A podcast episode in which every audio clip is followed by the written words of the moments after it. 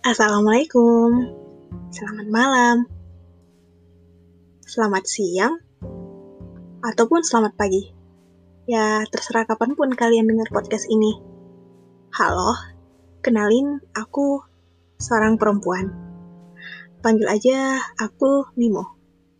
Jadi, podcast ini aku namain Cerita Kita. Why? Why?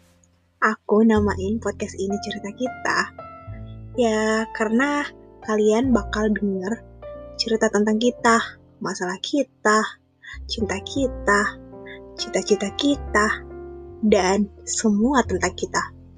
Ya, kamu dan aku. Stay terus ya, dan akan kuceritakan kembali kisah kita. Selamat mengenang, dan sampai jumpa